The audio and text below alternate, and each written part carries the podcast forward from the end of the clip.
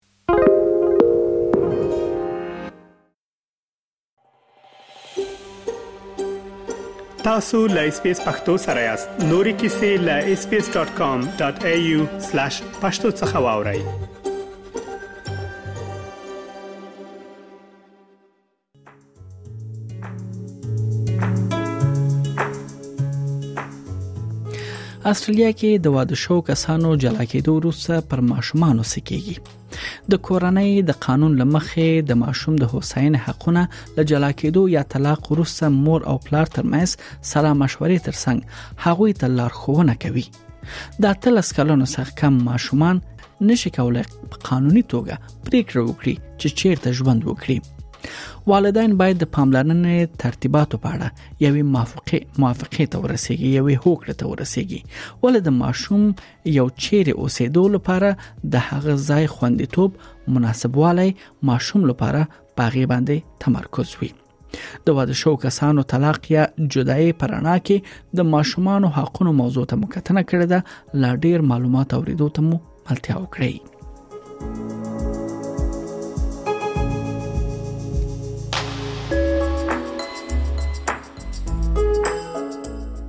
په استرالیا کې چې فیملی لا چې هغه د کورنۍ قانون دی دا په مساوي ډول په واده شو کسانو باندې یعنی هر یو خزاونر باندې د په یو ډول یا یو شان عملی کیږي قانون دا ډاډ ورکوي چې ماشومان حق لري چې په کورنۍ کې د جندر یا والدینو رولونو په اړه د هیڅ ډول انګیرنې پرته له دواړو والدینو سره معنا لرونکي اړیکې وپالي او وساتي له همدې امله د جلا کېدو وروسته نه مور او پلار په اتوماتیک ډول د دې حق لري چې یوازې د ماشوم یا د ماشومانو پالنه وکړي یا د بل والد په اساسیتوب پریکړه وکړي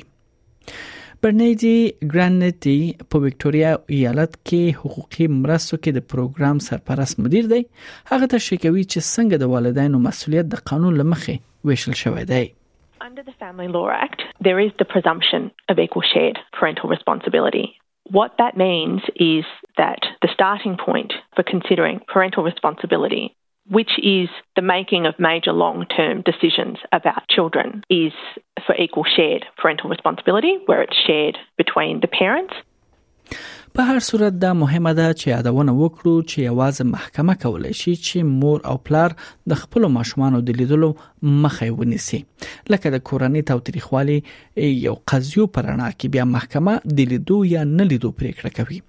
د مور او پلار مساوي مسولیت په دې معنی دی چې دواړه والدین باید د ماشوم مالی ملاتړ وکړي مګر دا په دې معنی نه ده چې ماشوم باید د هر یو یعنی مور او پلار سره مساوي وخت تیر کړي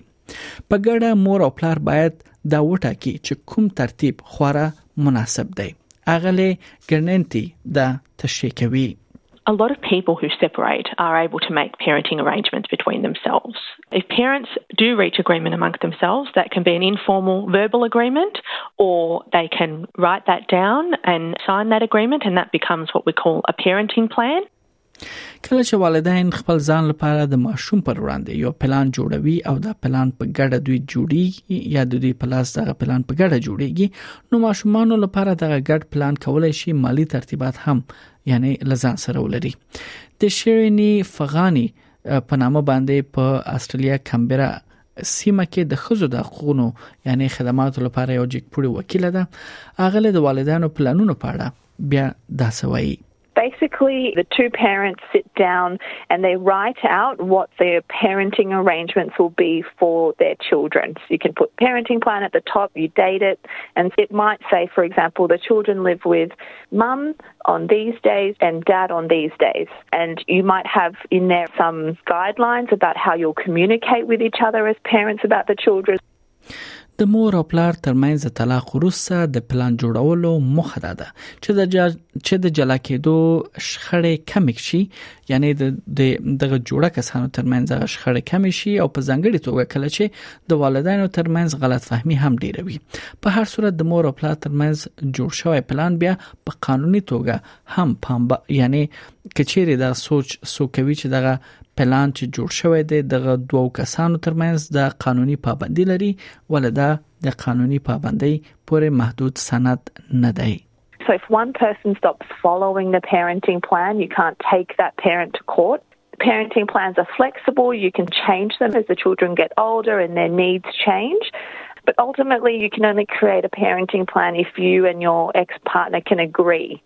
And sometimes you need the help of a mediator or like a third person to help you reach that agreement. په هغه قضیو کې چې د والدینو ترمنځ ماشومان او اړوند یو ګډ پلان او تړون رامنځته شي او کې چیرې بیا دا تاسو یعنی وغواړي چې دا په قانوني توګه دا پابند کړئ تاسو کولای شئ د والدین رضایت عمل لپاره د استرالیا فدرالي سرکټ کورټ او یا کورنۍ محکمې ته آنلاین درخواست وکړئ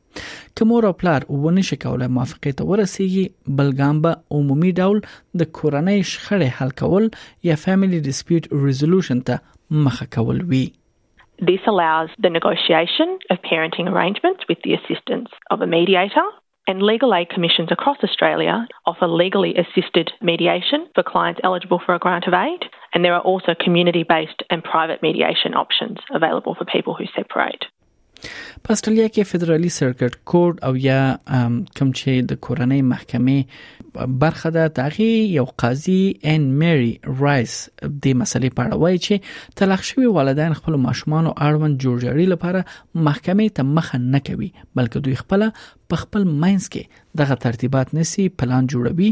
او یعنی محکمې ته د لپاره مخه نه کیږي چې دوی نه غواړي چې ډیرو لګښتونو کې دوی ښکیل شي Agreements negotiated between parents are known to be more effective in reducing conflict and creating certainty for children. And most parents want to achieve this, including those who find themselves in court. Even if you end up having to go to court because you haven't been able to reach an agreement, then the chances of ending up in a trial before a judge are very low. The court will help you to find ways to safely negotiate an agreement that works for you and your children. رجستر رایس دا په ګوته کوي چې محکمه مکلفیت لري چې د والدینو سره مرسته وکړي چې شخړې ژر تر ژره او په ارزانه توګه حل کړي په هر صورت دا هیڅ کله طلاق شو کسانو لپاره بیا غوړ انتخاب نه دی چې دا غوي مخه محکمې ته شي I think everyone who works in the family law system will say the court is a place of last resort. But any person who wants to apply to the court for a formal order about a child must, except in cases of urgency and high risk, first try to reach an agreement with the other parent. That means that they must attend a mediation with a registered family dispute resolution practitioner, and the family must obtain a certificate to confirm that no agreement was able to be reached. د کورنۍ شخړو د حل متخصص یا اف ډي ار پی یو ځانګړی روزل شوی منځګړی دی چې په شخړو کې د کورنۍ سره کار کوي تاسو کولای شئ د فیملی ریلیشنشپ سنټرز په ویب پاڼه کې د اف ډي ار پی لیست ومومئ چې پکې د دوی موقعیت فیسونه او نور معلومات شتون لري د فیملی کورټ کورنۍ محکمه آنلاین سرچینو لاره له تاسو سره هم رسکوي ترڅو محکمې ته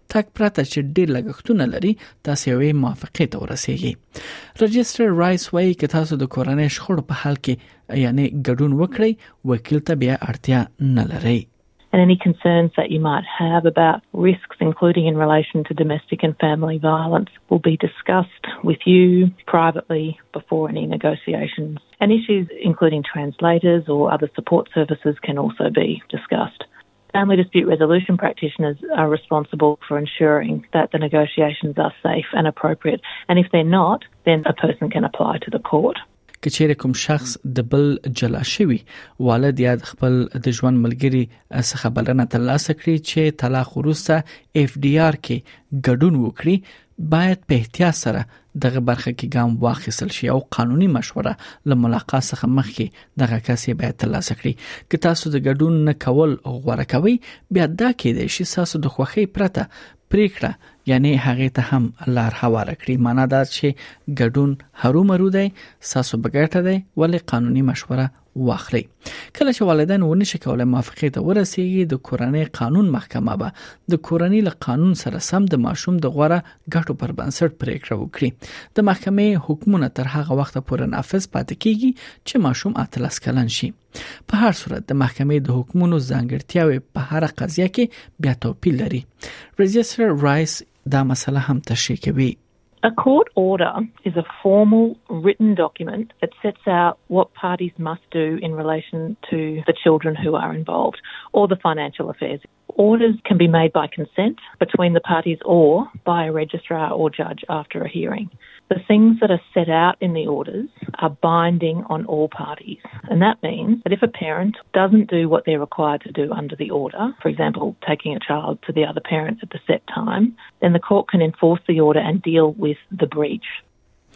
محکمه حکمونه په جدي توګه اخلي او د محکمې د حکم څخه سرغړونه بیا کولای شي د پام وړ پایل هم ولري محکمې ته د خپل قضیې د وړاندې کولو لپاره سو لیکلي اسنادو ته هم اړتیا ده او د ماشومان لپاره خطرونه هم باید په دغه اسنادو کې ذکر شي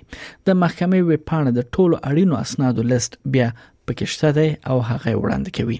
وې پاڼه تاسو سره د مرسته لپاره ویډیو هم چمتو کړې ده چې پکې اړین معلومات ځای شوی دي بلخوا د ژباړې اړتیا وخت کې تاسو ژباړونکي هم درکول کیږي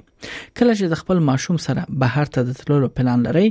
اغله فغانی وایي چې د نور والدینو رضایت ته هم اړتیا ده پرته لدې چې تاسو د محکمې حکم وغواړئ او ماشوم بهر ته ویسئ That's really when you need to speak with a lawyer because there's lots of different things that the court will take into consideration when an application for relocation is made. It will look at things like safety concerns, whether the relocation means that they'll be closer to family and support, you know, financial considerations. دا مهمه ده چې د هر پریکړې کولو د مخه د وکیل سره مشوره وکړئ چې چیرې تاسو د مور او پلار د ځانګړي ترتیب سره موافق کېدو لپاره یعنی د فشار احساس کوئ او په ځانګړي توګه که تاسو د کورنۍ تاوتریخوالي تجربه کوئ نو ضرور مرسته وغواړئ